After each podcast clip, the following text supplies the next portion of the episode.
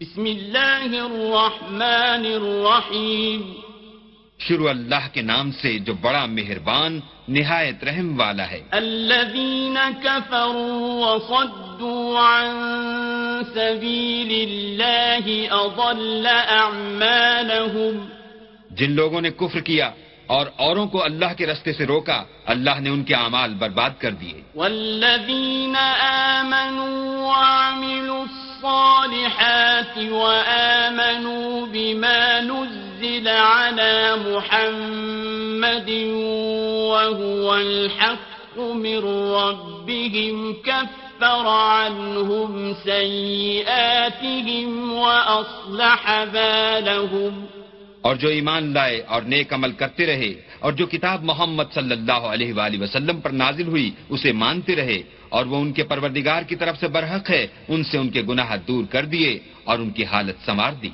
ذلك بأن الذين كفروا اتبعوا الباطل وأن الذين آمنوا اتبعوا الحق من ربهم كذلك يضرب الله للناس أمثالهم یہ ہفتے اعمال اور اصلاح حال اس لیے ہے کہ جن لوگوں نے کفر کیا انہوں نے جھوٹی بات کی پیروی کی اور جو ایمان لائے وہ اپنے پروردگار کی طرف سے دین حق کے پیچھے چلے۔ اسی طرح اللہ لوگوں سے ان کے حالات بیان فرماتا ہے۔ فَإِذَا لَقِيتُمُ الَّذِينَ كَفَرُوا فَضَرْبَ الرِّقَابِ حَتَّى إِذَا أَثْخَنْتُمُوهُمْ فَشُدُّوا الْوَثَاقَ حتى إذا أثخنتموهم فشدوا الوثاق فإما منا بعد وإما فداء حتى تضع الحرب أوزارها. ذلك ولو يشاء الله لانتصر منهم ولكن ليبلو بعضكم ببعض. والذين قتلوا في سبيل الله فلن يضل أعمالهم. جب تم کافروں سے بھڑ جاؤ تو ان کی گردنیں اڑا دو۔ یہاں تک کہ جب ان کو خوب قتل کر چکو تو جو زندہ پکڑے جائیں ان کو مضبوطی سے قید کر لو۔ پھر اس کے بعد یا تو احسان رکھ کر چھوڑ دینا چاہیے یا کچھ مال لے کر یہاں تک کہ فریق مقابل لڑائی کے ہتھیار ہاتھ سے رکھ دے۔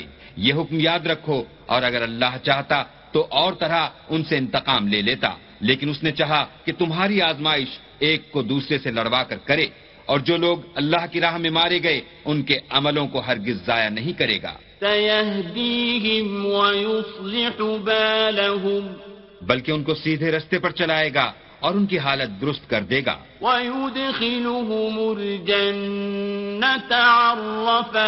لهم۔ اور ان کو بہشت میں جس سے ان کو شناسا کر رکھا ہے داخل کرے گا۔ الذين آمنوا إن تنصروا الله ينصركم ويثبت أقدامكم. اے اہل ایمان اگر تم اللہ کی مدد کرو گے تو وہ بھی تمہاری مدد کرے گا اور تم کو ثابت قدم رکھے گا۔ والذين كفروا فتعسا لهم وأضل أعمالهم. اور جو کافر ہیں ان کے لیے ہلاکت ہے اور وہ ان کے اعمال کو برباد کر دے گا۔ ذلك بأنهم كرهوا ما أنزل الله فأحبط أعمالهم۔ یہ اس لیے کہ اللہ نے جو چیز نازل فرمائی، انہوں نے اس کو ناپسند کیا تو اللہ نے ان کے اعمال اکارت کر دیے۔ أفلم يسيروا في الأرض فينظروا كيف كان عاقبة الذين من قبلهم دمر الله عليهم وللكافرين أمثالها کیا انہوں نے ملک میں سیر نہیں کی تاکہ دیکھتے کہ جو لوگ ان سے پہلے تھے ان کا انجام کیسا ہوا؟ اللہ نے ان پر تباہی ڈال دی اور اسی طرح کا عذاب ان کافروں کو ہوگا۔ ذلك بأن الله مولى الذين آمنوا وأن الكافرين لا مولى لهم۔ یہ اس لیے کہ جو مومن ہیں ان کا اللہ کارساز ہے اور کافروں کا کوئی کارساز نہیں۔ إن الله يدخل الذين آمنوا وعملوا الصالحات جنات تجري من تحتها الأنهار والذين كفروا يتمتعون ويأكلون كما تأكل الأنعام والنار مثوى لهم جو لوگ ایمان لائے اور عمل نیک کرتے رہے ان کو اللہ بہشتوں میں جن کے نیچے نہریں بہ رہی ہیں داخل فرمائے گا۔ اور جو کافر ہیں وہ فائدے اٹھاتے ہیں اور اس طرح کھاتے ہیں جیسے حیوان کھاتے ہیں اور ان کا ٹھکانہ دوزخ ہے۔ قرية هي أشد قوة من قريتك التي أخرجتك أهلكناهم فلا ناصر لهم اور بہت سی بستیاں تمہاری بستی سے جس کے باشندوں نے تمہیں وہاں سے نکال دیا، زور و قوت میں کہیں بڑھ کر تھیں۔ ہم نے ان کا ستیہ ناش کر دیا اور ان کا کوئی مددگار نہ ہوا۔ أفمن كان على بينة من ربه كمن زين له سوء عمله واتبعوا أهواءهم بھلا جو شخص اپنے پروردگار کی مہربانی سے کھلے رستے پر چل رہا ہو، وہ ان کی طرح ہو سکتا ہے جن کے اعمال بد انہیں اچھے کر کے دکھائے جائیں اور جو اپنی خواہشوں کی پیروی کریں۔ مثل الجنة التي وعد المتقون. فيها أنهار من ماء غير آسن وأنهار من لبن لم يتغير طعمه وأنهار من لبن لم يتغير طعمه وأنهار من خمر لذة للشاربين وأنهار من عسل مصفى ولهم فيها من كل الثمرات ومغفرة من ربهم كمن هو خالد في النار وسقوا ماء حميما فقطع أمعاءهم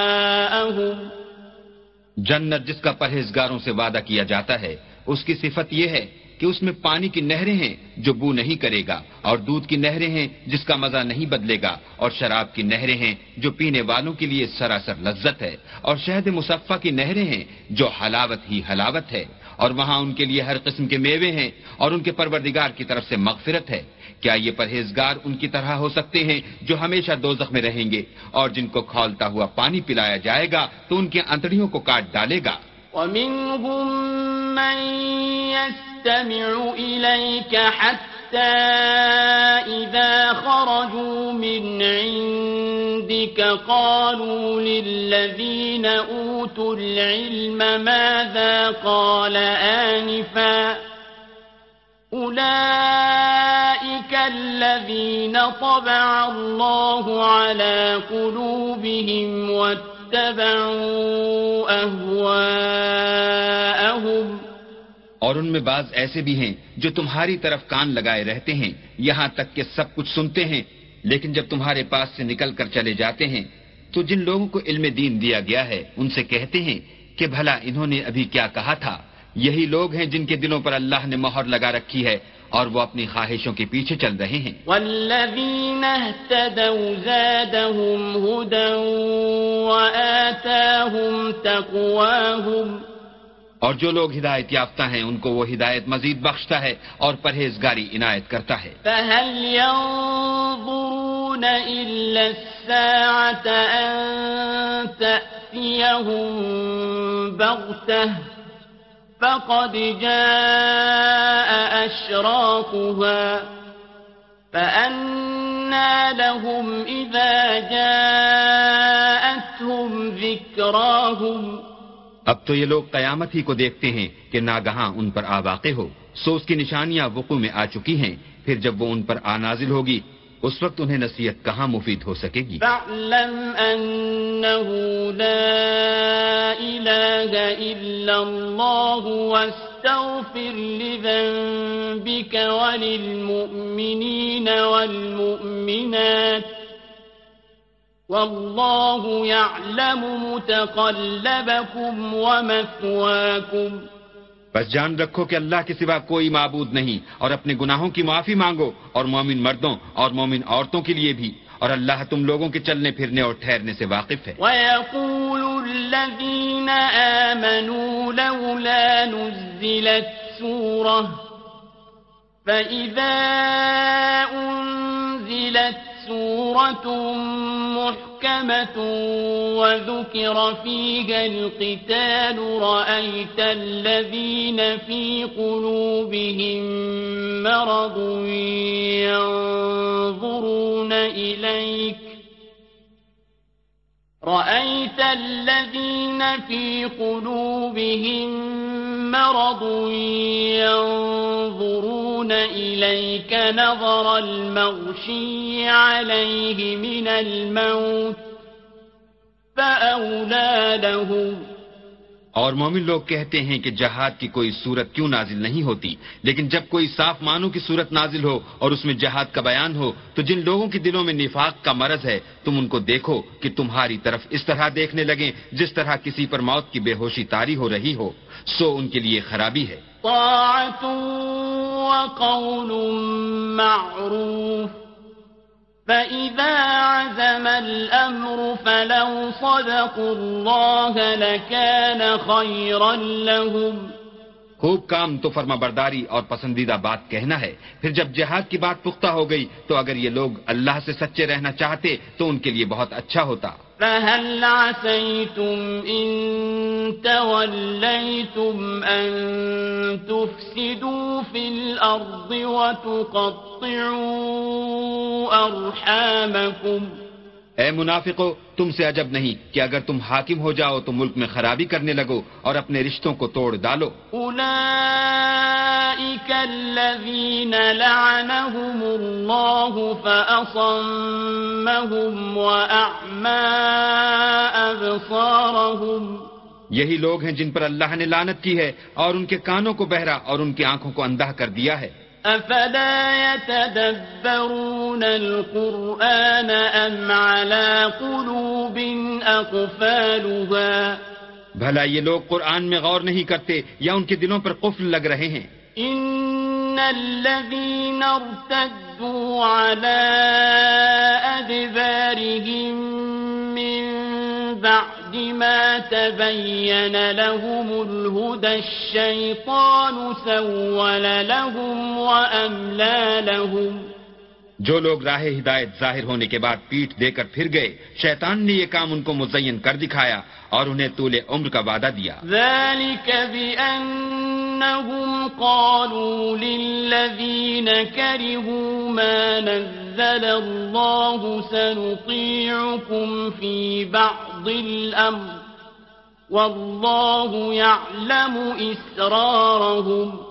یہ اس لیے کہ جو لوگ اللہ کی اتاری ہوئی کتاب سے بیزار ہیں، یہ ان سے کہتے ہیں کہ بعض کاموں میں ہم تمہاری بات بھی مانیں گے اور اللہ ان کے پوشیدہ مشوروں سے واقف ہے۔ فكيف إذا توفتهم الملائكة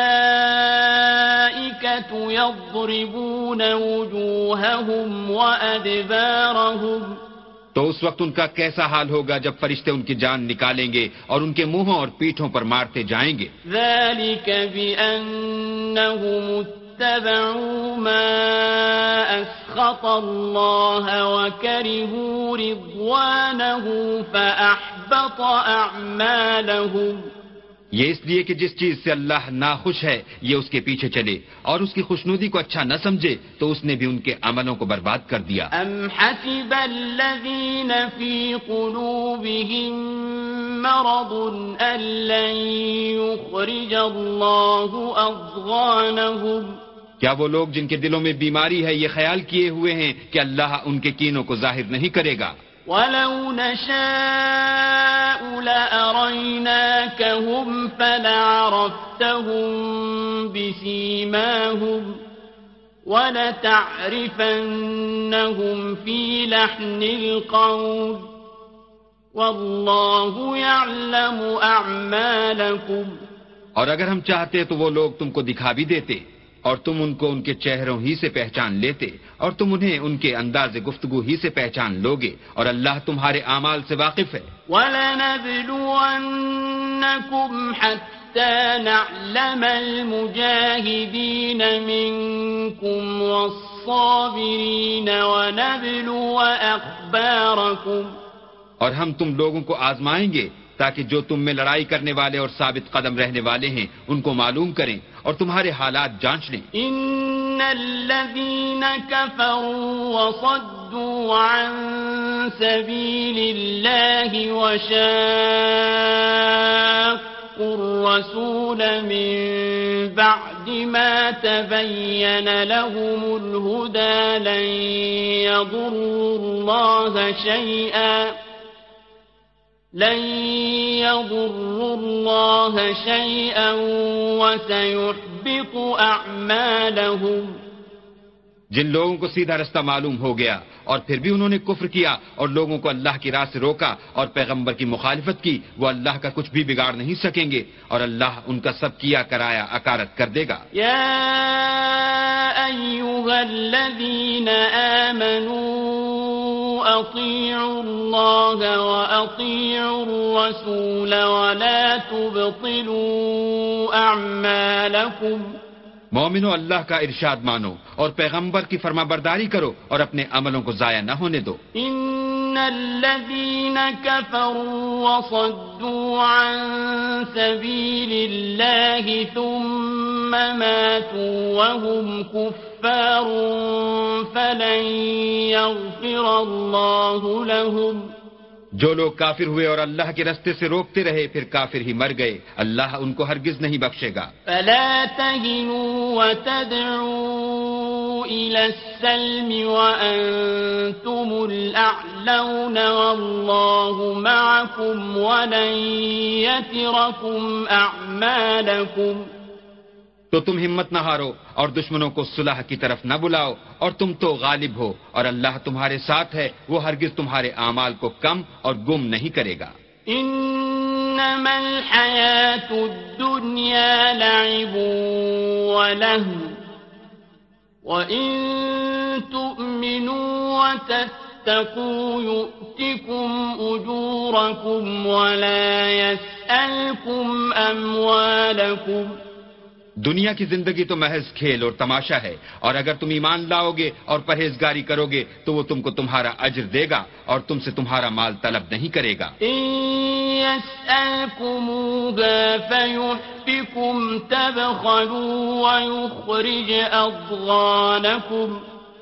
اگر وہ تم سے مال طلب کرے اور تمہیں تنگ کرے تو تم بخل کرنے لگو اور وہ بخل تمہاری بدنیتی ظاہر کر کے رہے۔ أنتم هؤلاء تدعون لتنفقوا في سبيل الله فمنكم من يبخل ومن يبخل فإنما يبخل عن نفسه والله الغني وأنتم الفقراء